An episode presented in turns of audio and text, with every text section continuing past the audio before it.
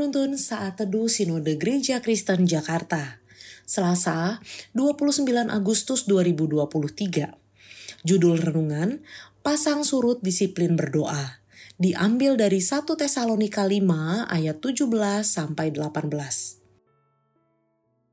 Tetaplah berdoa, mengucap syukurlah dalam segala hal, sebab itulah yang dikehendaki Allah di dalam Kristus Yesus bagi kamu firman Tuhan mengatakan tetaplah berdoa, mengucap syukurlah dalam segala hal. Apa yang menyebabkan pasang surut dalam hidup berdoa kita?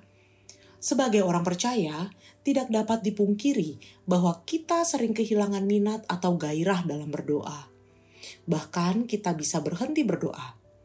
Tetapi saat badai kehidupan itu datang menimpa kita, kita bisa berdoa setiap saat.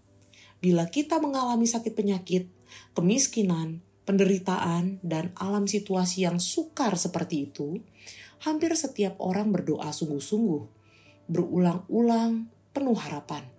Kemudian ketika badai berlalu, laut tenang, angin reda, kehidupan doa kita surut kembali.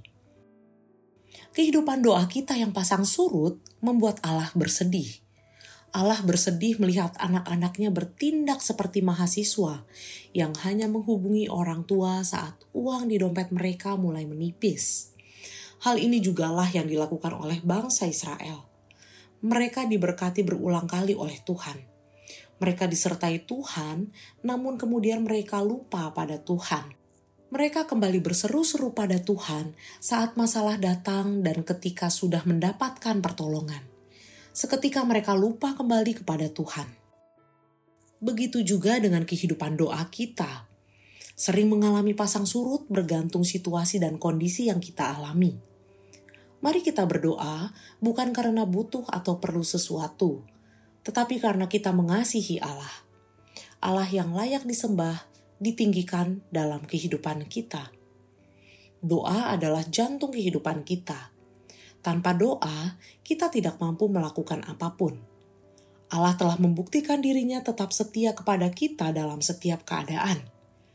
Marilah kita belajar untuk setia datang dan berdoa kepadanya dalam setiap keadaan.